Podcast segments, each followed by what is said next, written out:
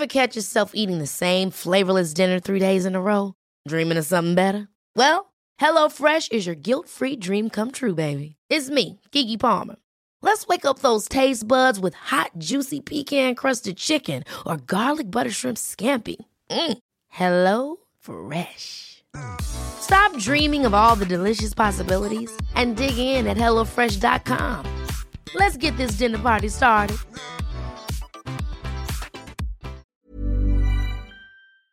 Nu närmar det sig, hörni, Holy Craps Retreat. Äntligen är det dags med våra healing retreats som återkommer varje år och detta år är vi lite extra taggade för vi kommer faktiskt att erbjuda ett retreat i Portugal, där jag sitter nu. Ja, och det är inte vilken plats som helst, den här platsen. Jag är bara än så länge sätter på bilder, men vi ska ju faktiskt åka dit tillsammans snart. Och den ser helt magisk ut. Ja. Nej, men jag kan känna in känslan av att bara gå runt på den här platsen och allt vi kommer jobba med och Nej, men, alla uh... fina möten och nej, den kommer hålla, det känns som att det kommer liksom, känslorna kommer kunna bara rinna ut i den här vackra jorden och det kommer vara eh, varma poolbad och det kommer vara, det kommer vara som en ljuv dröm. Ja, själva healingrummet där vi kommer ha klasserna har väl jättehögt i tak så det kommer finnas rum för så mycket expansion och växande i den här liksom underbara salen och eh, Nej men var, alltså varje gång jag tänker på det här retreatet så pirrar det i hela, hela Ja, jag känner samma. Ja, det är så otroligt kul. Så... Man känner energin bara Ja, jag vet, jag vet. Life force is flowing. Okej, okay, men detta datumet är 29 augusti till 1 september. Det är fyra dagar av ljuv Portugal, luft och magi. Och sen två veckor senare, den 12 september till 15 september, så ses vi hemma på underbara bäddar och ängar på Österlen för vår tredje omgång där. Och där har ni säkert sett och hört. Och det eh, känns ju bara så hem, alltså det känns verkligen som att komma hem. Ja. Alltså där, det, man, vi känner liksom väggarna, vi känner hela auran, själen av bäddar och ängar och det öppnar också upp för ett väldigt tryggt och hållande och kärleksfullt space och vi kommer ju ha med oss våra fina foodgeeks även denna gången. Mm. Så in och spana in på holocrapco.com för att läsa mer om de här två fantastiska retreatsen så ses vi i sommar.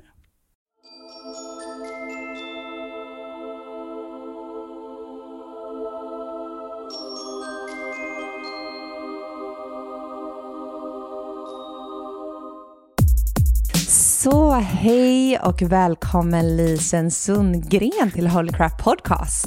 Tack så jättemycket. Roligt att, att få vara med. Ja, vi konstaterade precis innan det här samtalet att våra vägar har ju korsats innan. På ett event tillsammans med Pucka som, eh, som vi precis hade ett samarbete med här i podden också. Ja, vad kul. Ja, så vi, uh -huh. vi, så här, vi har ju setts innan men det var ju så att hur jag kom i kontakt med dig igen. Jag var ute och åt på en jättetrevlig restaurang i Göteborg för två veckor sedan och där så serverar de väldigt mycket växter. Jag tror att alla växter på restaurangen var från ägarens egen trädgård och sen yeah. så pratade hon om dig. För jag berömde henne så för alla örter och vi blev serverade örtte i slutet och det var så, men det var så fantastiskt. Uh. Får jag gissa vilken restaurang det var? Ja. Vilda. Det var det. Ja, Precis, jag var där Vilda. på gästspel. Ja. Eh, i, och hon fick ju också, hon blev årets kock på Estella-galan. Mm. Också väl, ja. Nej, men det var en helt eh. fantastisk upplevelse att, att vara där just för att liksom ta del av alla här svenska växterna och örterna. Ja, men de är ju så duktiga. Det är verkligen, mm. jag älskar att vara där. Ja, men kul! Mm, och mm. Vi är ju här idag för att prata om örter som medicin och naturen som läkning. Mm. Och jag tycker att man ser mer och mer en trend i att göra sina egna örtteer, att använda sig av det som finns i mm. naturen runt omkring oss. Och det här är ju egentligen tusenårig kunskap som kommer tillbaka hur vi kan använda oss av växter och örter som medicin för att hjälpa till med läkningen i kropp och själ och sedan applicera det här i vårt moderna liv, tänker jag. Precis. Nej men det var så kul för att innan den här intervjun så kände jag så här, men gud jag måste ju förbereda mig ett litet örtig här för att jag har lite så olika örtiga här hemma. Äh. Så jag tänker så här, vad, vad, skulle du säga om det här som jag dricker just nu? För nu dricker jag ett ekologiskt örtig av hallonblad, brännässla, damasken... Damaskena. Ja, och rödklöver. Vad skulle du säga? Och sen fick man liksom, det här är rena örter så man får liksom krossa dem själva och sen tillbereda. Mm. Fint. Ja, men alltså rosen är ju allmänt eh, lugnande, svalkande på sinnet och jag tycker att den är, en, eh, den är också antidepressiv, alltså upplyftande, så jag tycker det är väldigt härligt med ros så här års. Eh, rödklöver är allmänt näran, liksom näringsrik, eh, också renande. Eh, och i viss mån innehåller fytoöstrogener men inte i så små mängder så händer ingenting. Men, men, men, och så tycker jag också rödklövern ger en så himla fin mild eh, smak. Den är lite mm. sötma. Och sen hallonbladen och nässla, det är ju ren näring. Liksom, eller hallonbladen framförallt är ju sammandragande. Man brukar rekommendera te på hallon och nässla eh, under graviditeten. För att hallonbladen är eh, sammandragande och stärker vävnaderna, förbereder kroppen inför förlossning. Och, men också även när man inte är gravid. och sen så nässlan är ju typ det bästa man kan äta och dricka vad det gäller mm. näring. Så den är ju toppen. Mm. Ja, men det har jag förstått just med nässlan, för det är någonting som mm. jag får till mig jättemycket senast, att ta in mer nässla i ditt liv. Jag vet att jag försökte med någon sån här nässelpulver för några år sedan, men det har ju mm. väldigt besk smak, just nässla. Ja, det är, det är inte skitgott med nässelpulver, men man kan ju, jag brukade göra Eh, blanda lika delar nässelpulver och nyponskalsmjöl. Eh, mm. Och sen så hade jag i eh, ingefärspulver, alltså eh, torkad mald ingefära. Eh, och så kan man ju lite kanel, kardemumma eh, och rostade sesamfrön. Så blir det liksom en god röra. Mm. Som man kan strö på sin yoghurt eller i gröten eller i knäcket eller när man bakar så här fröknäcke eller någonting.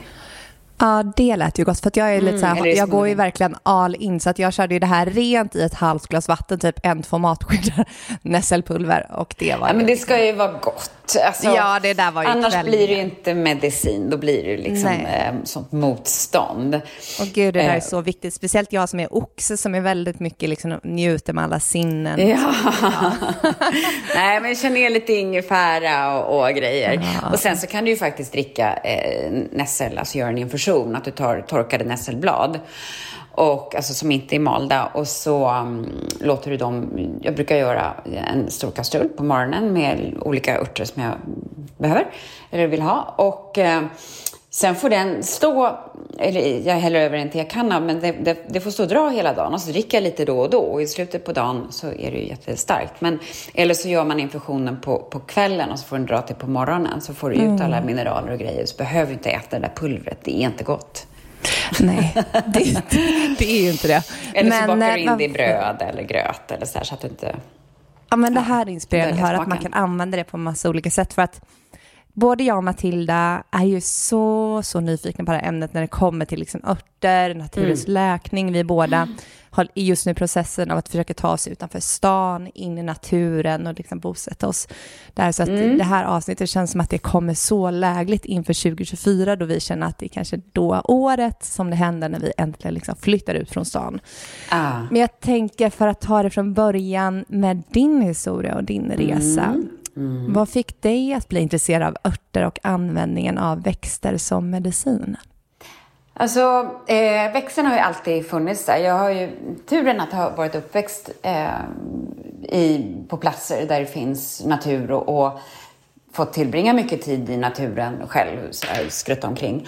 Eh, och jag hade morfar som var väldigt botaniskt intresserad som han var noga med att man skulle lära sig de vetenskapliga namnen på växterna. Så det var så här, ja, här är en eh, eh, eh, eh Bellis perennis, det är ju en tusensköna, inget komplicerat, men liksom sådär. Så att jag fick upp ögonen för, för växter väldigt tidigt. Och eh, sen så när det verkligen eh, hände grejer, det var ju, jag bodde i New York när jag var ung och eh, eh, det var slutet på 80-talet, början på 90-talet. Och sen så eh, jobbade jag jättehårt och så körde jag i väggen och så blev jag utbränd. Och, och, eh, men även innan jag blev det så, så kom jag väldigt tidigt i kontakt med liksom, yoga och ayurveda och, och meditation och så här. Eh, och även eh, örter. Eh, och sen så ja, körde jag i väggen och så kom jag hem till Sverige med utmattningssyndrom. Fast det fanns inte på den tiden, utan liksom, det, det fanns liksom inte den orden för men, men jag ville bara ut i skogen. Så. Så eh, det var liksom det enda som levde i mig var att gå ut i naturen. Och eh, det gjorde jag dagligen, varje dag. Det blev min rutin att, att, söka mig ut. Och sen så hade jag turen att, för läkarna kunde inte göra så mycket på den tiden och eh, de skickade hem och sa ja men ät din gröt och gå dina promenader så blir det bra. Mm. Eh, de hade ju liksom inte verktygen då, men då hade jag en väninna som eh, var väldigt handfast och resolut, så hon bokade en tid åt mig på Vidarkliniken i Järna, som inte finns längre, tyvärr. Eh, och jag var så ja det blir väl bra. Och så körde hon dit mig. Och där så eh, blev jag så småningom inlagd. Eh, och eh, där får man ju eh, där var ju behandlingen med liksom, bra, vet, all maten var producerad på, på när, när, eh, tillverkad av, av eh, närproducerade råvaror. Man såg liksom kossorna utanför på ängen som mjölk, mjölken kom ifrån och grönsakerna som växte på odlingarna där nedanför. Och eh, eh, så fick man ju då mycket eh, örtpreparat. Så. Och jag blev, väldigt, jag blev jätteintresserad när jag började må bättre och få upp näsan över ytan. Liksom. Så, så eh, började jag bli nyfiken på de här växterna som jag fick. Och eh, så började jag diskutera det med min läkare. Han var fantastisk. Eh, Martin Reder hette han. Eh, var holländare.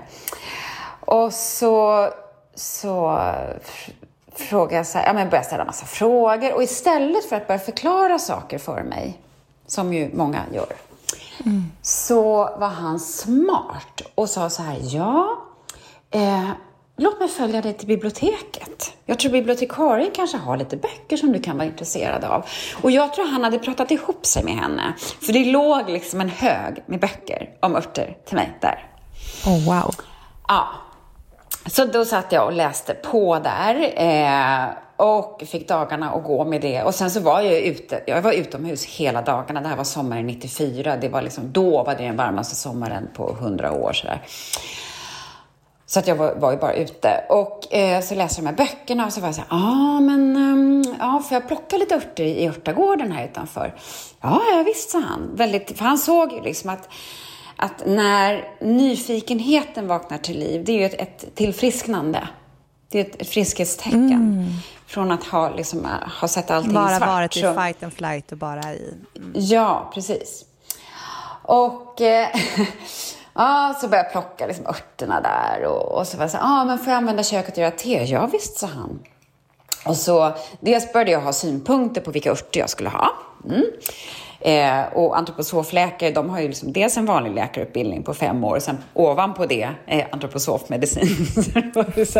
jag var så här, ja men jag vet nog bättre.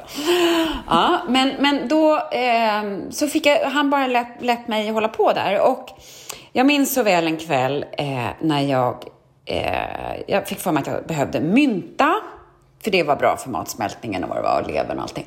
Ja, och så eh, gjorde jag en stor kanna, jag satt framför en öppen brasa och så eh, eh, eh, skulle jag dricka en hel kanna te, eller det slutade med att jag drack en hel kanna te, äh, mynta då.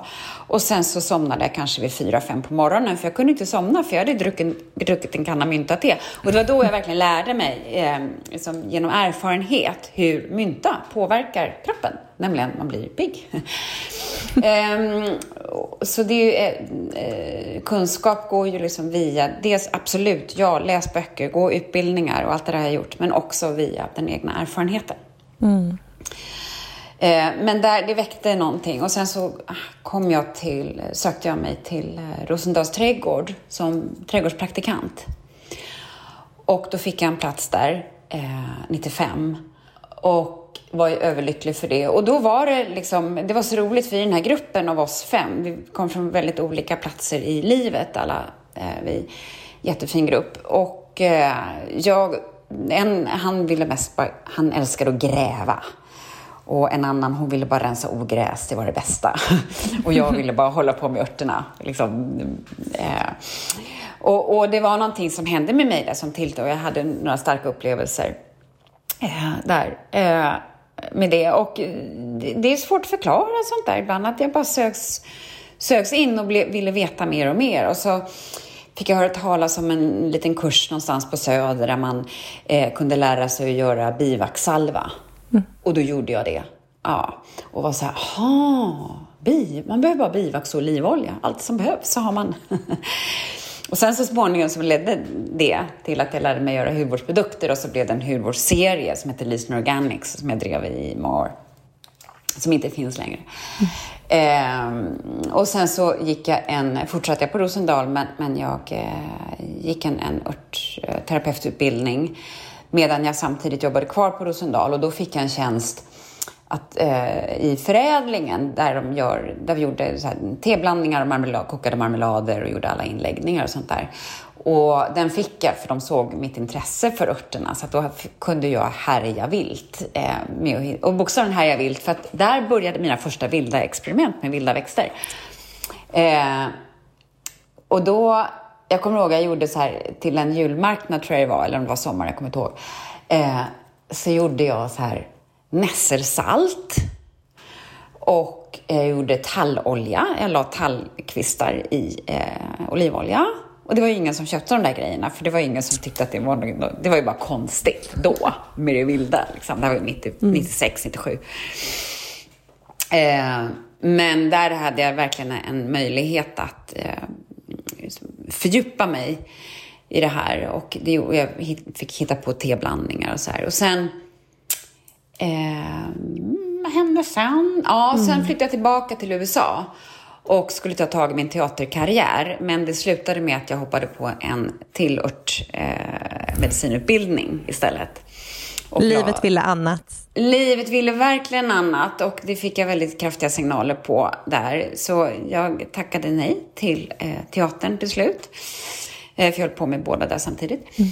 Men, eh, och så den perioden blev väldigt avgörande för då insåg jag att det här med örter, det är inte bara så att örter är medicin eller lavendel mot huvudvärk eller sådär, utan det är ett sätt att leva. Eh, och ett sätt att förhålla sig till livet och till eh, naturen, den övriga naturen och människorna omkring oss och, och hälsa och sådär. Eh, Eh, för att örter kan vara både, du kan använda dem i maten och de kan vara absolut medicin och behandla sjukdomar och de kan, eh, man kan använda dem till hudvård. Och det resulterade till att jag eh, fördjupade mig ännu mer i hudvård och skrev några böcker om det. Liten sorts spa och Liten indiska spa. Eh, sen när jag kom hem. Så, så när jag kom hem då 2000, då kom jag tillbaka till Rosendal och då blev jag ombedd att börja hålla kurser och eh, starta, jag började en örttjänst. Och då höll jag på med det här eh, mm. grejandet helt enkelt. Och så började jag hålla kurser. Och där höll jag både kurser om odlade och vilda växter. Mm. Och sen har jag liksom bara fortsatt med det. Jag har försökt ta mig ifrån några gånger, men jag kommer hela tiden tillbaka. det, är väldigt, det känns som att det är väldigt menat att du ska vara just i den här. Och det är så kul det du beskriver, det resa, det här att verkligen vara pionjären, att vara mm. så före sin tid, när man har det här stora intresset och när det är menat att man verkligen ska göra någonting. Mm och hur människor liksom inte förstår och sen så visar det sig att man sitter på en guldgruva för sen kommer mm. ju alla andra förstå den här liksom gåvan mm. som du har fått och jag menar det är också fint hur du berättar hela resan med utbrändhet och liksom mm. stress, mm. vilket är väldigt, väldigt aktuellt i dagens samhälle. Verkligen. Och hur du, ja, och hur du hittade läkningen i örterna och nu kan ju du vara på, liksom, jag tänker det här, eh, ja, men det är som cirkeln sluts, för nu kan du vara där du är och lära ut och ge din mm. medicin till folk som är där du var. Ja, precis. Och det är ofta så det är när man har, för det här är ju verkligen själsgåva skulle jag säga, som, som du besitter, som du har, som du säger. När det kommer till ens gåvor, ofta kan man vara så här, man vill försöka ta sig iväg från dem, men det är som att man hela tiden blir tillbakakastad. Ja, nej men så har det verkligen varit, för jag har ju gjort, mm. eh, för man ska ju försörja sig också. Eh, mm så jag har ju gjort eh, massa olika saker. Men, men som sagt, jag kommer hela tiden tillbaka och, och hittar nya infallsvinklar. Och, och, och, och det är ett evigt lärande. Eh, verkligen. Och nu, nu, jag började jobba med pucka så småningom eh, för några år sedan. Och då eh, fick jag en anledning att fördjupa, för då hade jag hållit på med det vilda så många år och liksom lite kommit ifrån de odlade växterna som, som ju eh, är lika viktiga för mig. Eh, och det var så härligt att komma tillbaka till dem och också få ingångar till liksom mer forskning och fördjupning. För Pucka har jobbat jättemycket med det mm. och, och, har bedrivit egen forskning i samarbete med olika universitet och så här. Ehm, och, och, så har det lett mig in på nya spår som blir en ny bok som kommer ut nästa vår, men den kan jag berätta om nästa år. Mm. Mm, ehm, mm. Så, så att det, fin- det är ju liksom, och jag tröttnar ganska snabbt på saker, men, men här, finns, här går det inte att tröttna för att det finns hela tiden nya djup och nya områden att eh, eh mm. utforska. Jag tycker det var så fint det du sa med att eh, det är så mycket mer än bara en ört att liksom ta in som en ört, utan det är ju att förstå eh, samklangen med naturen. Att det mm. blir som en hel livsstil och det gör ju också att man börjar respektera naturen, det som finns runt omkring en, för man förstår det här med att vi alla är ju ett, alltså vi, naturen, djuren. Mm. Det är det här eviga kretsloppet och det fungerar ju som allra bäst när vi börjar att arbeta tillsammans och inte bara jobba mot varandra. Nej, men precis. Och, och, det är ju den stora grejen nu. Folk pratar mycket om så här djur och natur och människa. Eh, men jag säger va? För vi är ju natur. Mm. Det är ju så, det. Ja, så när folk säger så här, ah, men jag är ingen naturmänniska, då blir jag lite full i skratt. För att vi är ju lika mycket natur som rådjuren och brännässlan. Liksom. Mm. Um, men det är inte lätt heller, jag menar så här, när vi sitter här i våra betongstäder, för det blir, mm. vi hamnar ju väldigt långt från det som vi kanske en gång förknippade med natur, som är det här råa, vilda. Men jag tänker att det är ju därför vi också mår som vi mår. Mm. Och det har man ju sett mycket. Jag är ju också natur och skogsterapiguide och guidar skogsbad. Eh, och jag utbildade mig till det för några år sedan när jag kände att jag ville hitta fler verktyg för att eh, komma närmare övriga naturen och eh, kunna ge verktyg också till folk. Eh, och ehm, Eh, då läste jag mycket liksom, forskning och, och sådär och då har man ju sett att eh, skogsbaden började utvecklas då i, i, på 80-talet i Japan i början på 80-talet och det var i samband med hela den här revolutionen när folk flyttade in till storstäderna och började jobba stillasittande på kontor framför mm. skärmar och blev jätte, jättesjuka och dog av stressrelaterade sjukdomar. Ja. Eh, och då har man sett att, att eh, ju mer vi fjärmar oss från den övriga naturen, ju mer ökar den psykiska ohälsan. Och det som är både sorgligt och fantastiskt är att, att det krävs inte jättemycket för att råda bot på det, utan det kan räcka med ett par mm. timmar i veckan. I, du behöver inte ens gå ut i en skog, men alltså närhet till natur. Det kan vara en park, kan vara det är viktigt att ha, jag sitter och tittar ut nu här för jag har massa träd utanför fönstret. Eh, som vi ju vet nu idag att det är så viktigt att kunna se träd från sitt fönster mm. där man bor. Eh, så, men, men det, det, har ju verkligen blivit viktigare och viktigare och ju mer vi fjärmar oss ju, ju mm. olyckligare mm. blir vi. Liksom. Eh. Jag tror ju fortfarande på den här gröna vågen som kommer ske, att människor kommer mer och mer flytta ifrån mm. storstäderna. Sen kanske inte det händer om ett, två, tre, fem år, fem, jag, vet, jag har ingen aning. Men det har ju alltid varit så inne att man ska bo mitt i städerna, men jag tror att fler och fler kommer längta ut. Mm. Till... Men ja, jag tror både och, därför att det är också hållbart att bo i en storstad. Mm. Eh, jag har en liten stuga i Sörmland eh, sedan ett par år tillbaka och det är ju fantastiskt. Men jag har också lite ångest, för att, för att komma till den så behöver jag eh, jag får låna en bil under vinterhalvåret och då eh, behöver jag åka bil för att komma dit. Och jag behöver åka bil för att åka och handla när jag är där. Eh, men här, när jag är i stan, så kan jag gå eller cykla nästan överallt. Eller åka tunnelbana eller buss. Så det är hållbart att många bor, eh, på många sätt, att många bor på så här centralt, att man kan ta sig enkelt till jobbet utan att använda bil till exempel. Mm. Eh, och inte behöver ta bilen för att åka och handla det är både och, men jag tror absolut för de, mina, jag har grannar på, på landet som jobbar mycket med att skapa liksom en gemenskap kring det gröna. De har odlingar och så har de en farmers market på Osprey Farm heter de. Eh, på sommarhalvåret så har de en farmers market och det handlar mycket om att liksom, människor ska mötas, skapa en gemenskap. Eh, och att ge människor möjligheten att äta mat som kommer direkt från odlingen. Liksom, och se, och för att ung, vi hade en skolklass där med gymnasieungdomar som läser eh, till restaurang, till kockar. eh, går en restaurangutbildning och bara för dem att komma ut där i odlingarna och få laga mat och så här. Eh, mm. Så det, jag tror att vi, när vi flyttar ut och även om man är i stan, att vi behöver eh, öva oss i att stötta varandra och att skapa communities. Så man inte bara liksom flyttar ut och så sitter man där på, i sitt lilla hus och, och tror att man ska klara sig själv. Utan vi behöver Eh, vi behöver varandra, vi behöver samarbeta och vi behöver umgås och vi behöver relatera. Liksom, eh, vi, vi, behöver behöva varandra också. Mm, eh, för, att, för att det ska funka. Alla behöver inte odla. Alla behöver inte ha djur. Alla behöver inte kunna allt, liksom, utan man kan mm. Ehm, Nej, vi ska ju leva i den här flocken i samhället. För som du säger, vi är ju flockdjur. Vi ska ja. ju bo tillsammans, vi ska ju hjälpa varandra. Ja, Ingen mår ju bra av att isolera sig och så. Och eh, på tal om det, för det har jag sett också att du delar mycket i dina kanaler, det här med säsongsdepression, eller att många mm. mår sämre när det kommer, när det blir de här mörkare tiderna. Och jag vet Matilda som jag har podden tillsammans med, som inte kunde närvara idag, hon mm. är precis eh, fly, flyger till Bali, mm. just för att liksom, fly undan det här mörkret och få mm. sol och få liksom, he, hela den där livsstilen där borta. Och vad är dina, jag tänker när det kommer till örter, natur, medicin, vad är dina bästa tips? Vad ska man göra för att boosta sitt välmående nu under det här mörkare? Vi är ju i den mörkaste perioden nu precis innan. Ja, det här, nu är det mörkaste veckan. Ja. ja.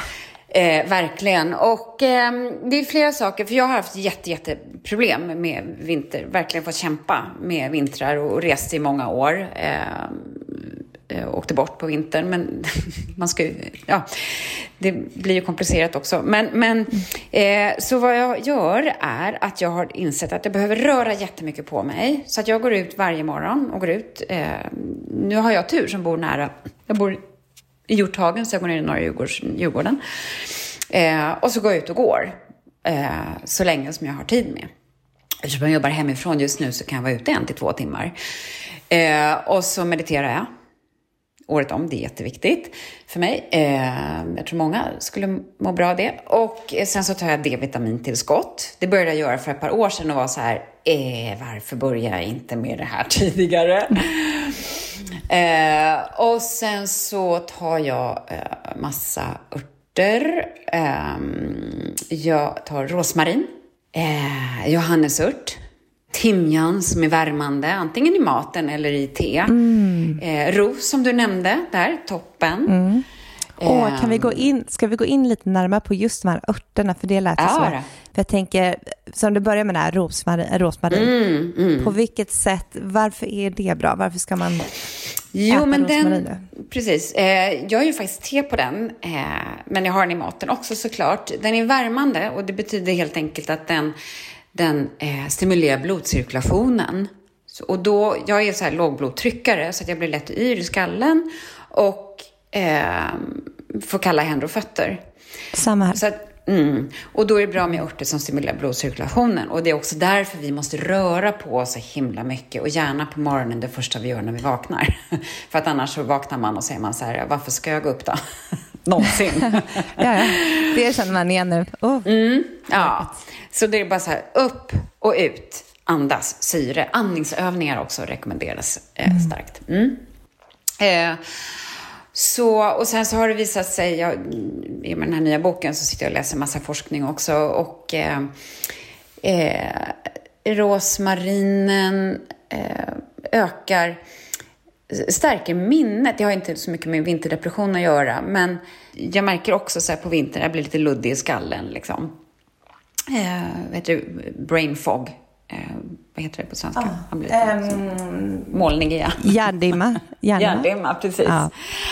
Eh, och sen så, eh, Johannesört är ju specifik för nedstämdhet och vissa typer av depression. Inte för alla.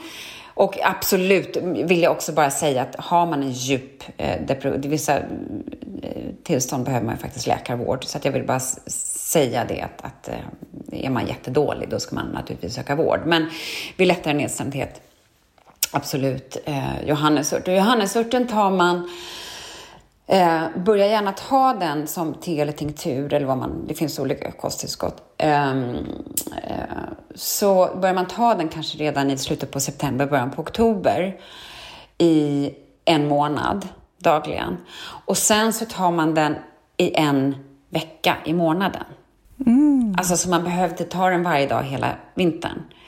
Utan eh, sen så finns det receptorer som är så här, ah, de känner igen den och så tar de den, så plockar de upp. Så johannesörten är ju jättebra och då ska man också komma ihåg att johannesört, det var, det var en sån här kontrovers för massa år sedan att ah, man ska testa johannesört för det motverkar effekten av p-piller. Eh, så vill man inte bli gravid och käka p-piller så ta inte johannesört. det finns andra örter man kan know. ta. Men sen så finns det också andra örter som man kan behöva ta Eh, för det kan ju vara så här att man är deprimerad för att man sover dåligt till exempel. Det, går ju, så det, det är ju alltid så här med, med nedstämdhet eller att det är inte så här, man kan inte dra alla över en kam utan den kan ju ha olika orsaker. Kan det vara att du sover dåligt, rör på dig för lite, får du för lite dagsljus, man måste ju gå ut och få dagsljus varje dag, ät regelbundna måltider, eh, sådär. Eh, så Eh, vad sa jag nu? Jo, sömnen då. Så att eh, om man har svårt att sova så behöver man se över sömnen. För sover du bra så kommer du också må bättre och vakna gladare. Eh, och då kan man ju ta hjälp av men, valeriana, eh, frossört, eh, kanel. Toppen, lugnande på kvällen. Mm. Passionsblomma. Mm. Eh, jag, brukar för sig, jag brukar dricka eftersom jag är lite lat ibland, så tar jag puckas, eller tar jag bara tepåsar, puckas nighttime. Men den innehåller också frossört och eh, eh, passionsblomma bland annat.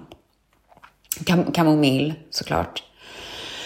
Men, men jag märker att mellan det här, liksom, röra på mig jättemycket, gå ut på morgonen, få, se till att få dagsljus, eh, ta de här örterna, eh, och äta bra, varm lagad mat. Alltså glöm sallader till lunch på vintern. Mm. Ät varm lagad Precis, varm och... grunnad mat som värmer upp hela systemet ja. inifrån. Mm. Ja. Eh, och skip, allt det här vanliga såklart. Skippa massa socker och, och grejer. Alltså ät sånt som kroppen kan behöva. Nämligen näring, bra, härliga rotfruktsgrytor och mm. eh, men, men jag märker att det har hjälpt mig jättemycket. Nu har jag också möjligheten, och jag fattar, det är inte så lätt. Nu har jag haft möjligheten att, att gå ut på morgonpromenader. Jag kan gå ut mitt på dagen och få dagsljuset. Eh, så man, är man på ett 9-5 jobb eller så här, försök att gå ut på lunchen. Försök att liksom röra på dig. Om du sitter stilla framför datorn hela dagen, gå upp och rör på dig under dagen. Mm. Eh, varva ner på kvällen innan du ska gå och lägga dig. Eh, klä dig varmt och, och eh, också en sån inställning. För att jag har ju alltid, jag ju alltid så här, börjar i augusti eller nästan i juli oroa mig för vintern. Hur ska jag klara mig genom den här vintern? Och lite grann en inställningsfråga, att liksom omfamna att det här är en tid att ta det lugnare. Har man möjlighet till det, eh, så gör det. Även om kanske jobbet är som vanligt och ungarna är som vanligt och allt sådär. Man kanske inte behöver eh, gå på varje social grej eller ja, allt som man kan dra, dra in på, gör det. Det är en tid för, för jag vet inte, att gå i det. Mm. Eh, och eh, kanske ställa lite lägre krav på sig själv. Att inte sommaren, och, våren och sommaren och hösten, då kan man topprestera. Och så får man liksom dra tillbaka lite grann eh, på vintern. Men det är det som är så fint när, att framförallt vi här i Norden har ju den möjligheten på grund av årstiden att vår och sommar det är väldigt extrovert tid där vi många verkligen ja. går in i liksom ljuset och allt det härliga. Mm. Och sen så får vi faktiskt den mörkare perioden en liten vila där vi mer ska blicka inåt och vi kan mm. gå igenom det som hänt under året. Och det blir, blir en lite, vi brukar prata mycket om just så här skuggarbete här i podden, mm. om att man får göra liksom jobbet av att kolla på många sidor hos sig själv, kanske möta det här mörkret som man kanske inte mm. alls vill kolla på under de ljusa perioderna. Så det är en gåva också i att vi får den här perioden, även om det är en skitjobbig tid för många, och, ja, men, inklusive mig själv. Och, mm. Verkligen, och det är det också som jag menar med det här omfamnandet, att, att eh, hellre bara följ med i det Eh, liksom, för det, det, är, det kommer ju upp jobbiga grejer, men vi behöver inte trycka bort allt det. Och, och nu är jag så gammal så jag har lärt mig att allt kommer tillbaka hela tiden. Mm. Men man kan också vila lite grann i det. Och att, att, eh, visst, det är inte roligt varje dag, verkligen inte. Men det går över. Eh, mm. Och nu har jag sån tur så att jag har massa, jag träffar grannar nästan varje dag. Det är alltid någon att snickesnacka med en liten stund. Eh, så det är bra att se till att man inte blir för ensam. Jag kan också tendera till man behöver inte tacka nej till precis allt. Det, det är bra nej. att ha lite socialt liv också, men det, man behöver inte liksom, man kan tagga ner lite grann. Ja, vi kan ju faktiskt bli lite bättre till och med här på, för det är man blir nästan för mycket att isolera sig för att man tror att dagen slutar vid två nu när det är som, som mörkast. Ja, så där får man precis. nästan tvinga sig ibland till de här liksom sociala tillställningarna, att ta den där middag med vänner, för att man märker ja. hur mycket det ger också, så att man annars kanske blir att man lätt isolerar sig och det mår ju Bjud in en granne på kaffe eller liksom. Ja. Eh, det här är liksom lite lugnare, enklare. Men, men för mig har det varit jätteviktigt just att omfamna och acceptera. Eh, det har ju varit härligt. Jag kom precis idag från, från stugan. Och när det blir mörkt där, då blir det ju riktigt mörkt, för det finns ju ingen gatubelysning. Mm. Och det är väldigt eh, härligt, för att då är det liksom mörkt på riktigt. Eh, och det känns nästan som att det är skönare än allt det här upplysta i stan. Att det, verkligen, det går inte att värja sig efter tända brasa och liksom, mm. eh, gå in i det där. Eh, ja, man så. får försöka lära sig. Jag försöker verkligen att eh, jobba mycket med att omprogrammera, verkligen så här, mm. okay, att ta vara på liksom det här mysiga, att verkligen så här, ja, som du säger, kanske tända en brasa om man har det hemma eller tända massa ljus. Och... Ja, tänd massa ljus mm. och eh, Många gillar ju att ligga och kolla filmer på kvällarna och jag har gjort jätte, jätte, jättemycket sånt. Ligga och, och streama serier. Men sen en mm. dag i mm. somras så bara kände jag så här, nej men jag kräks om jag ska streama en grej till. Så då faktiskt eh, gick jag bara nästa dag till bokhandeln och köpte en trave böcker. Mm. Och sen dess så har jag läst eh, flera timmar varje kväll. Och igen, jag fattar att alla inte kan, nu talar jag bara för mig, jag fattar att alla inte kan ligga hela kvällen och läsa böcker. För folk har barn och jobb och, och så här. Eh, men jag har möjlighet att styra över min tid så pass att nästan eh, varje kväll, eller många kvällar i veckan, så kan jag ligga och läsa istället. Och jag märker att det är mer berikande. Jag sover bättre eh, när jag har legat och läst än när jag har legat och kollat på skärmen. Mm eh, på kvällarna. 100 procent. Mm. Ja. Så det är inte fel att streama verkligen, och, och kolla på filmer. Verkligen inte. Det, kolla film är bland det bästa jag vet. Men, nej inte bland det bästa jag vet, men jag tycker att det är väldigt härligt. Eh, verkligen. Eh, och det är underbar underhållning och avkoppling och så här. Men för sinnesron så kan det vara bra att liksom, man behöver inte ligga flera timmar och man kanske stänger av skärmen eh, någon timme eller två mm. innan man går och lägger sig. Och kanske tar det backa lite från sociala medier. Alltså, jag, blir, jag är på Instagram, absolut. Um, och, och, jag märker om jag sitter och scrollar och alla människor gör så mycket och man blir så här oj, oj, oj, och så får man lite hjärtklappning och vad gör jag? Och så börjar man jämföra sig och så går man in i allt det där. Det är inte så hälsosamt. Mm. Um, så Kanske, och nu så har de det här nya threads och, det, och jag blir så här, nej men herregud, ska en kanal till? Jag orkar inte. um, man kan faktiskt backa lite från ja.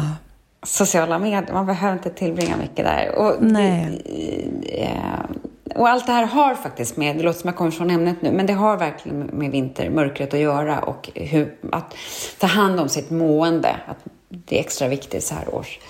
Och att gå lite i det kan, betyder också att backa lite från mm. sociala medier och kanske hellre satsa på vännerna som är de fysiska vännerna runt omkring en, som är ens fysiska närhet. Liksom. Mm. Eller gå ut i Så skogen sant. och plocka eh, nypon och göra en soppa, nyponsoppa och bjud eh, en Verkligen. på det. En så bra reminder till oss alla och Ja, mm, ja, rosmarin känner jag att det är någonting jag ska ta in ja. i mitt liv. Mm. Ja. Och Johannes ört tycker jag också lät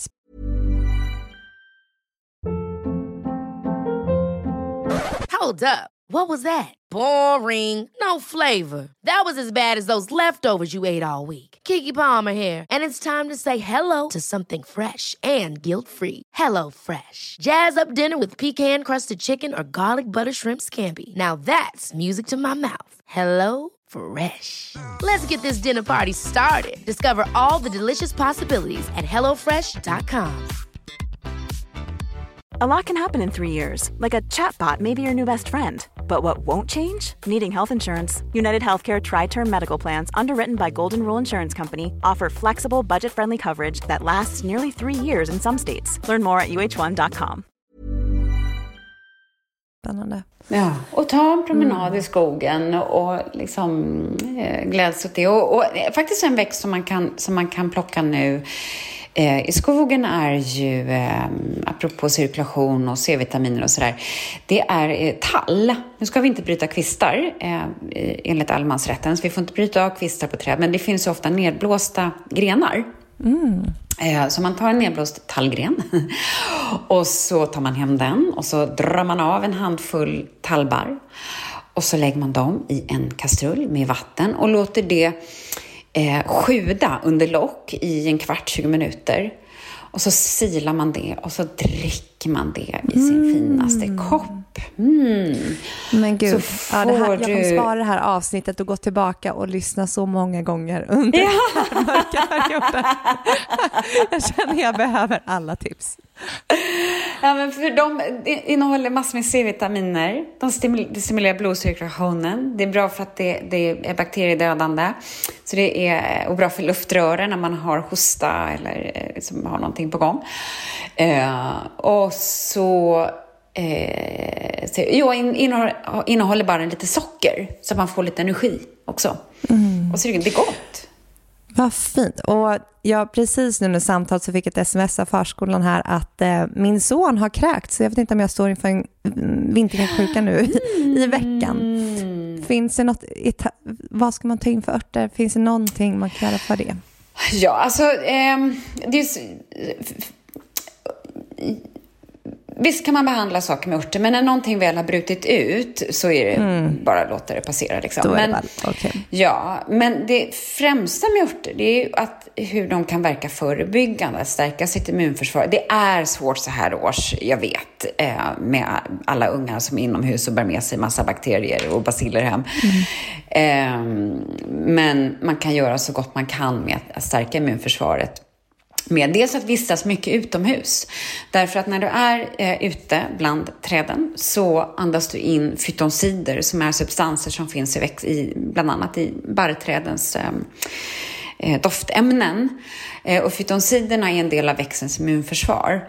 Och när vi andas in fytonsider så, sprid, så sprids de via lungorna ut i blodet och ökar antalet vita blodkroppar eh, eh som heter eh, mördarceller, natural killer cells. Mm. Och de är en del av vårt immunförsvar. Och de snurrar runt i kroppen för att, och käkar upp oönskade bakterier och virus och sånt där. Eh, så eh, kan man tillbringa så mycket tid man kan utomhus så är det ett jättebra sätt att förebygga sjukdom. Drick talldrickan med alla C-vitaminerna och igen sömnen. Eh, mm. Återhämtning, återhämtning, återhämtning, återhämtning. Mm. Eh, mm, Okej, okay, men tack för dessa mm. tips. Jag tror att det är många här som lyssnar och sitter och antecknar under tiden. men som jag eh, sa i början av avsnittet att eh, både jag eh, och Matilda drömmer om att ha en egen örtträdgård och vi ja. står inför att eventuellt köpa hus nästa år och jag har börjat spara ner och se den här örtträdgården framför mig som jag, som jag ska odla fram. Ja, och jag tänker, vad ska du ha där då? Nej men det är just därför den här frågan kommer, för nu sitter jag här med experter, så jag tänker, för du har ju böcker som Vildvuxet eller Äta vilda växter, där du utforskar mm. ätbara medicinala växter. Mm. Så jag tänker, finns det något så här bra baspaket eller vilka eh, växter skulle du säga alla som vill ha en örtträdgård, vad ska man satsa på? Precis.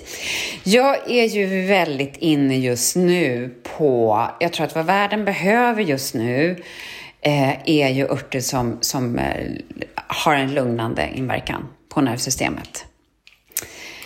Eh, och då talar vi kamomill, vi talar citronmeliss, vi talar frossört, hjärtstilla. Eh, vi talar ja, men salvia, mynta, rosmarin, timjan och alla de kan du använda i maten. Eh, så tycker jag att man kan ha, eh, sen vill man ju kanske ha eh,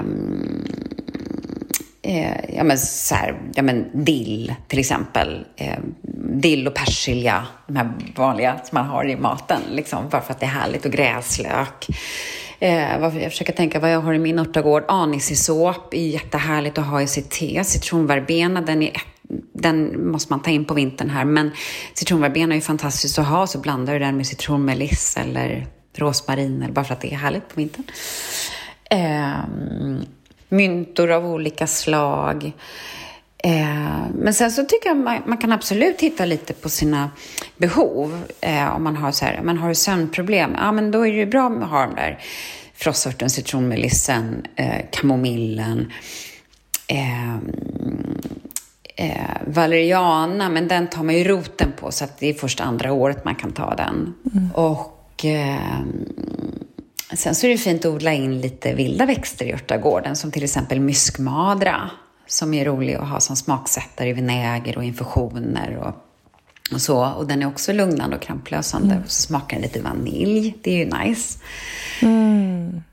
Ja, för det kan vi också gå in på om, om det är så att man inte har möjlighet att ha en örtträdgård eller man bor i lägenhet. För då, som säger, man, då kan man ju lika gärna på helgerna åka ut i naturen, i skogen och plocka växter och örter. Och vad hittar vi där som, som du skulle säga är de här små guldkorna?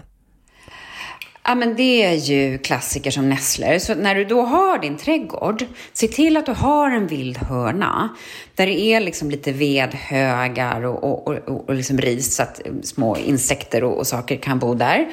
Men också så att du har lite nässlor och, mm, eh, så, kan du, så att du har dina brännässlor och, kanske lite kirskål som ingen trädgårdsälskare vill ha. Eh, men så i naturen där finns det ju då brännässlor, nypon, vresrosor, Eh, hagtorn eh, är ju fantastisk för hjärtat, både blad och blom och bär. Eh, på rosenbuskarna så kommer ju också nyponen. Eh, ehm, det finns ju, eh, ja, så har vi tallarna och, och vi har granarna. Men vad man ska komma ihåg då att man får inte ta granskott på allmän mark för det är, ingår inte i allemansrätten. Men i naturen det finns spansk körvel och det finns ängsyra och det finns harsyra. Ehm, de är mera mat. Växter har syran och ängsyran. Men jo, vad du måste ha i din örtagård också är ju såklart ringblommor. Mm, det har jag hört mycket för hud, också hudåkommor som eksem. Min son har lite eksem till och från så att jag har tänkt mycket på att kunna plocka in egna örter, göra lite ja, krämer. Ja, och då gör jag skrev ju mycket om det i mina tidigare böcker och i Lisens gröna värld, där är det lite mer sådär huskurer. Och då, där står hur man gör eh, örtolja, men det kan du hitta på nätet också. Eh, och om du gör en örtolja på ringblomma, kamomill är också en bra växt att ha till, till barn. Mm. Och även citronmeliss. Lavendel måste du ha i örtagården mm, naturligtvis. Förlåt, nu hoppade jag tillbaka till örtagården här. Eh, för den är också bra för barn som har, är lite så uppe i varv på kvällen och inte kan sova. Då lägger man dem i ett litet lavendelbad. Ja, ah, vad mysigt. Mm. Mm. Det är min favorit när det kommer till essentiella oljor. Det brukar jag ha som parfym, lite lavendel. Jag tycker det är så, för jag använder ingen parfym, eh, kemisk parfym, utan jag har bara liksom så naturliga oljor. Eterisk olja, ja.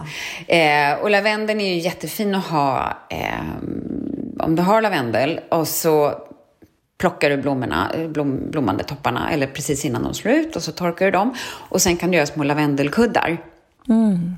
Så har du dem vid huvudkudden. Och så ligger man, så man inte kan sova, så kan man ligga och lukta på dem. Ja, vad mysigt. Ja, det är mysigt. Maskrosor finns ju i det vilda också. De, eh, bara från det ena till det andra. Men de eh, är roliga att äta. Blommorna, men också bladen är ju jätte, jättebra mat. Maskrosblad. Ja, jag har hört att det nästan är lite som rucola. Nu har jag aldrig prövat det. Det jag tror inte jag har ätit i alla fall. Men att det har lite samma smak som rucola. Mm, det är rätt bittert. Och... Eh, Eh, men plockar dem i början på säsongen och tycker man att de är för bittra så kan man antingen låta dem dra i kallt vatten. För många av oss eh, är, folk är inte så vana att äta bittert här i Norden. Eh, men man, om man övar sig så lär man sig. eh, så om man äter lite maskrosblad första gången kanske det är så här, uh vad bittert. Och så kanske man tar en gång till och sen en gång till och sen upptäcker man att men det här är ju jättegott och sen börjar man längta efter det där lite bittra. Mm. Eh, och eh, de innehåller ju både massa mineraler och, och eh, provitamin A och sådär. Så att de kan man, jo, så tycker man att de är för bittra så kan man låta dem dra i kallt vatten i ett par timmar så drar det ut lite grann. Mm. Eller så steker man dem i olivolja med lite vitlök och lite pressad citron. Salt, wow. peppar. Och, gud vad gott. Och hur ska man tänka då för att eh när man plockar vilda växter och örter, man vill ju gärna inte göra det kanske bredvid någon motorväg eller... Nej, precis. Ska man, hur, ska man ta sig långt ut i skogen eller hur? Mm -mm. 50 meter från trafikerad väg brukar man säga. Mm. Eh, och, och, så är det viktigt att kolla att det inte är ett liksom, gammalt industriområde så att, det gift, så att det inte är gifter i marken, tungmetaller och så i marken. Och eh, man, vi får enligt allemansrätten så får vi plocka blad, blom, bär och svamp. Alltså allt som kommer nytt mm. varje år. Vi får inte gräva upp rötter och vi får inte bryta av grenar. Eh, och jag brukar säga att om du plockar i det vilda så plocka inte mer än 10 procent av det du hittar av ett bestånd. Liksom. Mm. Eh, utan lämna till, till de övriga djuren och insekterna. Det är fint med lite, men förhållningsregler är ju alltid viktigt när det kommer till liksom hållbarhet och att förstå Exakt. vad man inte får, ja. får och så att växten också kan återhämta, så att den kan, eh, den ska också kunna reproducera sig. Så, så att um, man tar inte, man tar, uh, jag brukar säga så här, skörda vackert, det ska inte synas att man har varit där. Mm, ta någonting så. där och där och där. Ja, exakt. Man tar lite där och lite där och så. så. Um, så det är bra att tänka på. Uh, och så får man ju skölja av grönsakerna när man kommer hem. Liksom, uh, mm. Eller växterna. Mm. Nej, men det kanske vi också kan komma in på, eh, just hur man tillbereder, men det kanske är olika från ört och växt, för jag har sett ibland så torkar man, ibland så äter man det färska, men där kanske man mer får googla upp så att man vet hur man ska bäst... Ja, men jag brukar säga så här, ehm, för det är lite olika, men, men torka örter gör jag för att ha växter till vintern. Och på sommaren, eh, när det finns färska, så använder jag de färska. Mm. Och om jag ska göra till exempel tinkturer, eh, alkoholextrakt, då gör jag helst det på färska örter. Men det går att göra på torka också, torkade också. Men, eh, och jag äter ju helst färska örter, men det torkade är ju väldigt bra att kunna ta fram på vintern. Eh, och jag föredrar att torka framför att frysa in. Men eh, ja, kanske nässlor och så, om man ska ha det som grönsak så kan man frysa in det. Men annars så föredrar jag att, att, torka. Och så är det viktigt att man då när man har torkat, att man förvarar växterna mörkt och torrt. Eh, om de har legat mer än ett år, så liksom titta på dem eh, och lukta på dem och smaka på dem. För har de förlorat sin färg, sin smak och sin doft, då kan du kasta dem på komposten. För då har de liksom förlorat sin, sin verkan. Många av de kryddor vi köper idag är av ganska dålig kvalitet. De ligger i små ljusa glasburkar, exponerade i ljus i, i mm. Eh, butiker. Eh, och har väldigt lite smak och doft. Så Eh, jag letar ständigt efter bra... Det kanske är du som får skapa dem. Ja, men precis. Men, men så det är också apropå till exempel rosmarin. Eh, även om man inte tycker att det är kul att odla eller inte har en odlingslott. Sådär. Förut hade jag balkong. Eh, och det räcker ju att ha några krukor. Så om du har en rosmarinkruka, den kan ju inte stå ute på vintern. Ja, men då har du den från tidig vår till eh, på hösten och så plockar du allt eftersom. Och sen så klipper du ner den och så eh, torkar du och så har du rosmarin för hela vintern. Liksom. Och så ställer mm. du in krukan i någon källare och tar fram den nästa vår. Eh, och då vet du att då, då kommer den, jämför sen den rosmarinen med den som du köper från någon sån här vanlig. Ja, oh, jag kan tänka mig att det är natt och dag. Ja, och sen är det vissa mm. växter som inte håller så bra som torkade, som till exempel eh, citronmeliss och basilika, som väldigt snabbt eh, eh, släpper sina eh, eteriska oljor. Eh, förlorar doft och smak, eh, för de är så flyktiga. Eh, medan andra, som till exempel rosmarin, håller ganska länge som torkade. Så det, det, är så olika för varje växt, så det får man liksom prova sig fram. Nej, men det jag tänkte på när det kommer till örter är att väldigt många örter kan ju vara ganska potenta. Så är det någonting man ska tänka på när det kommer till att börja använda egna örter och vad behöver man veta? Absolut. Eh, för det är ju så att, att vissa örter ska man inte använda till exempel i kombination med blodförtunnande medel. Alltså om man har högt mm. blodtryck och käkar medicin för det så är det vissa örter som man inte ska ta. Till exempel inte rosmarin i medicinska doser. Absolut kan du äta det i en gryta, men, men inte i medicinska doser. Eh, och vissa örter ska man inte ta när man är gravid. Och eh, så. Så, att, så att det, det är också viktigt att man tar reda på det. Så, mm. eh, men, men då talar vi med, de flesta kan man ju äta liksom som mat som krydda. Men det, nu talar vi liksom när man tar dem i te tre gånger om dagen eller som tinktur i flera, vecka efter vecka. Liksom. Precis. Men sen, det som de flesta tål och som är så här verkligen inga brukar inte vara några problem om man inte är allergisk mot korvblommeväxter till exempel, det är kamomill, citronmeliss, lavendel, eh, inga kända eh, hinder där. Så, ehm, men, men så det är absolut viktigt att tänka på det om man käkar massa, eh, olika mediciner. Det är framförallt eh, blodförtunnande eh, som man ska kolla upp. Eh, och det är samma sak med om man inte ska ta massor med gurkmeja eller ingefära om man tar blodförtunnande medel till exempel. Mm. Så, um, Men det gäller att göra sin research och, och, som du sa där, jag vet när du berättade din eh, historia där i början, att också känna in intuitivt vad, vad tror jag att min kropp behöver för örter och växter och sen också kolla upp användningen av det. Precis. Vad behöver jag och hur mycket får man ta? Ja, för det är jättefint att kolla intuitivt, men man måste också vara jättenoga med att kolla eh, ja. research. Eh, och det jag förespråkar främst med örter, det är visst man kan behandla sjukdomar, men eh, vad jag tror de flesta behöver idag, det är ju sådana här som är eh, förbättra återhämtningen och skydda kroppen mot effekterna av stress. Mm. Som till exempel, eh, det finns något på engelska kallas för oats in milk. Det är omogna havreblommor som är små gröna mm. innan havren mognar. Eh, som är eh, stärkande och närande. Nässlan är stärkande och näringsrik. Eh, ashwagandha som är lite poppis just nu är också en sån adaptogen kallas det för. Mm. Som är mer så allmänt stärkande och liksom buffrar eh, mot effekterna av stress och utbrändhet. Så att man ska fortfarande vila och se till att få sin återhämtning. Men eh, jag tror jättemycket på de här som, som mer ger näring, bygger upp och stärker. Eh, som är mera kanske mat. Än, än, ja. Och sen så kan man också ta mediciner sen när det behövs. Men man börjar med det mest skonsamma, nämligen näringen. Och sen kan man börja ta det här mer kraftfulla mm. vid behov. För det är absolut så att vissa örter, det är jättepotent medicin. Så det är inte så här bara för att det är naturligt är det ofarligt. Utan man ska vara, tar man mediciner och har eh, eh, hälsoproblem så måste man absolut kolla upp så att det inte är krockar med någonting. Mm. Precis. Nej, men det är jätteviktigt att poängtera. Eh, och sen på tal om adaptogener, eh, adaptogener så Lions Mane är ju en jag gillar för att jag Vi, är Vilken då? Upp, Lions, Lions Mane. Ja, Lions Mane, ja. ja, ja. Är, det, är det lejonman på svenska? Eh, nej, den heter på svenska, jag har en flaska här, eh, den heter eh, den heter Garnustöra stilla. Igelkottaxsvamp. Jaha. Oj, det var inte alls det var långt från Lions Mane. Ja.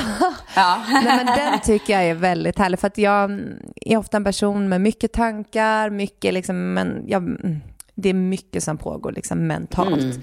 Så den tycker jag är väldigt skön att ta för det känns som att jag grundar mig själv, det känns som att jag landar mer i kroppen. Mm. Och går ur mindet lite för ibland kan det vara väldigt mycket energi som samlas här uppe. Mm. Så den känner jag är väldigt skön att ta. Mm. Mm. Jag har inte jobbat så mycket med svampar. Eh, men eh, nu fick jag en flaska här av några som håller på och forskar jättemycket. Eh, så absolut, den är jättebra. Eh, jag gillar rötter när jag behöver liksom, har för mycket i huvudet. Som bird, mm. heter det, kardborrerot till exempel. Mm. Eh, eller bara rotfrukter. Du får inte glömma att maten ja. är också medicin. Nej. Mat som medicin, det har jag förespråkat i ah. många, många år. Alltså, ja. Mm. Eh, så när man behöver grunda sig och liksom komma ner ur skallen. Och också så här basic-grejer. Massera fötterna. Eh, ja. Har du för mycket här, då måste man få ner, få ner liksom, ja. balansera cirkulationen. Så att, eh, ja, jag brukar alltid göra meditation där jag visualisera rötter som går ut från rotchakrat ner mm. hela vägen till Moder Jord, till liksom kärnan. Och då är det som att jag känner hela kroppen pff, ja. ja. Men, eh, och jag tänker som en sista fråga här då. Har du några sista tips att dela med dig av för våra lyssnare som vill lära sig mer om örter som medicin och just att ta vara på naturens helande kraft? Mm. Eh, dels eh, gå ut och luta dig mot ett träd.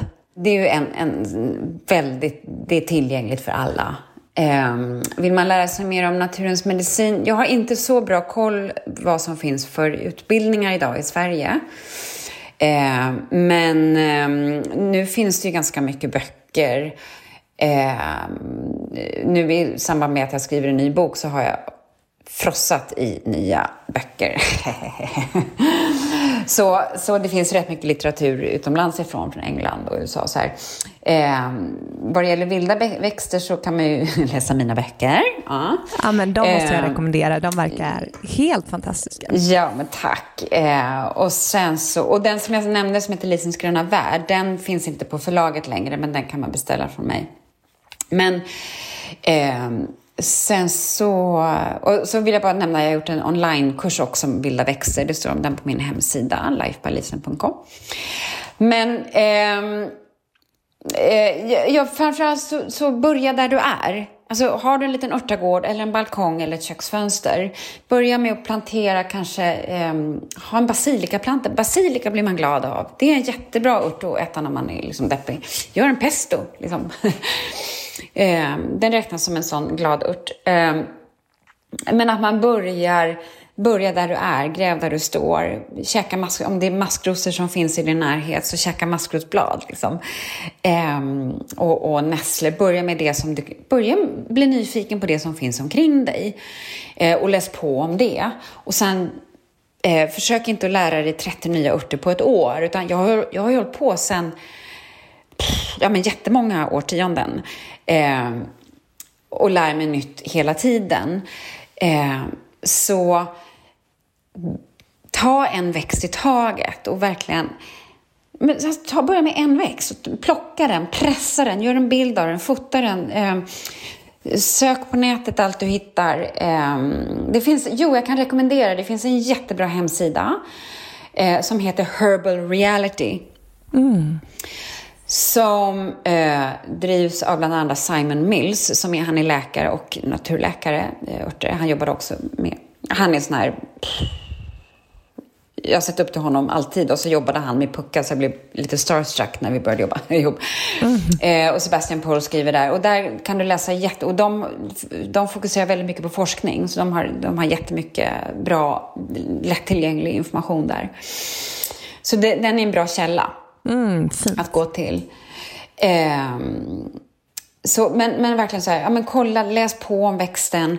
Eh, skriv ner när du smakar på växten och du har kollat att den inte är giftig. Eh, skriv ner dina egna iakttagelser. Är den sötsur, salt, besk, stark, syr, syrlig? Hur smakar den? Var växer den? Vad växer omkring den? Eh, gör te på växten. Lägg, te, lägg växten i badet. Gör en kryddblandning på det på den. Um, verkligen häng med den här växten, lär känna den. Uh, vad fint verk- sätt att ta in den. Jag ser verkligen som att man nästan skapar som en liten eh, du vet, journaling, en liten bok för örter där man kan skriva ner om varje ja. och användningsområden, hur man känner sig när man tar den och efteråt. Och, mm, och verkligen fint. kombinera det med att läsa på om vad det finns för liksom, fakta. Titta på hur man använde, man använde växten kanske på 1700-talet eller på medeltiden. Ibland är det jätteknasiga saker, men ibland så är det också sånt som forskningen idag har bekräftat eh, mm. är, eh, stämmer, som i lavendel till exempel. Så för det är ju verkligen, kunskapen går via alla våra sinnen. Smaka på den, lukta på den, titta på den, känn på den. Hur ser den ut? Kolla detaljer. Att rita av en växt det har jag fått göra på nästan alla utbildningar. Man får sitta och rita av och jag hatar att rita. så jag är så dålig på det. Men det är otroligt bra för att man blir väldigt uppmärksam på detaljer. Mm. Så man kommer, aldrig, man kommer alltid att känna igen den växten sen. Och när du reser, hitta folk som kan och be att få gå ut med dem eh, i naturen eller i deras örtagårdar och liksom eh, så. Fint. Jag blir själv väldigt, väldigt, väldigt taggad på det här nu. Ja, kul. Så tack för den här kunskapen. Och en sista jag bara vill fråga. Din favoritört eller växt just nu och varför? Äh, nej, men det är nog rosmarin. Rosmarin och nässla tror jag. Men jag, det har varit väldigt mycket rosmarin den här vintern. Eh, också mycket för minnet och koncentrationen. Eftersom jag är, jag är 57 och eh, har en ganska hårt lagrad eh, hårddisk. Eh, den är lite överbelastad. Eh, så eh, det kan ta lite tid ibland att hitta ord och så här eh, kan bli lite glömsk du, Jag känner igen mig så mycket ja. det här. Det är det. Eh, jag har haft liksom mum-brain, men det här också gör med att jag har haft massa matintolerans, som är sådana hjärndimma när man inte hittar ord. Alltså jag tycker, det är därför Lions Mane som jag har tagit in den, då vet att rosmarin är någonting ja. jag ska ta in också. Rosmarin! Och jag blir glad, och liksom den här doften, jag blir, jag blir glad av rosmarin helt enkelt. Jag sticker ner näsan där en grå novemberdag och blir bara så här, ja! och den känns stark. Jag har behövt det här senaste halvåret, växter som gör att jag får lite så här jävlar anamma. Eh, och då har jag använt bland annat den och röllika när det fortfarande gick att plocka. Jag torkade ingen tyvärr, men eh, så. Men rosmarin, just för cirkulationen och så blir jag pigg, glad, varm. Ja, mm. den tycker jag är toppen. Underbart. Mm. Tack snälla för all den här kunskapen. Jag vet att jag bara suttit här och sugit i mig allt som en svamp för att jag är, är så intresserad av alltså, hälsa, välmående, kost. Det har ju varit, eh, ja, det har ju varit med mig i 15-16 år och jag känner att det här med örter, växter, det är liksom mitt nästa steg att ta mig ut i naturen här och att själv börja ta in och förädla. Roligt. Och lycka till med din örtagård. Tack. Ja så jättemycket. Och jag tänker, om man är intresserad av dig nu och vill veta mer, för jag har ju sett att du har lite vandringar, lite kurser. Mm. Hur mm. kan man eh, komma i kontakt med dig och vad erbjuder du just nu? Precis. Eh, just nu är det vinter och jag eh, skriver bok. Men annars så har ju jag jag vet inte riktigt hur våren ser ut ännu, men man hittar mig på min hemsida som heter lifebylisen.com. Och där finns det också en länk till den här onlinekursen som jag gjort, så man kan köpa den. Där finns också mina böcker och där lägger jag också upp eh, vart jag har kurser och när. Eh, så det är väl det. Och så finns jag på Instagram såklart. Eh, och eftersom jag då inte är så jätteflitig på sociala medier så är jag inte där hela tiden. Men jag försöker lägga ut lite, när jag får lite inspiration sådär, eh, om växter Mm. Lägga ut eh, lite sånt. Och där kan man också kontakta mig. Mm, jätte, jättefint. Tack snälla du. Och jag kanske kontaktar dig sen när det är dags för att eh, anlägga den här örtträdgården. Ja, men gör det så kan vi prata om allt du kan göra med växterna. Ah, underbart. Tack snälla Lisen för att du kom och gästade Holy Crap. Ja, men tack så jättemycket. Roligt att få prata med dig.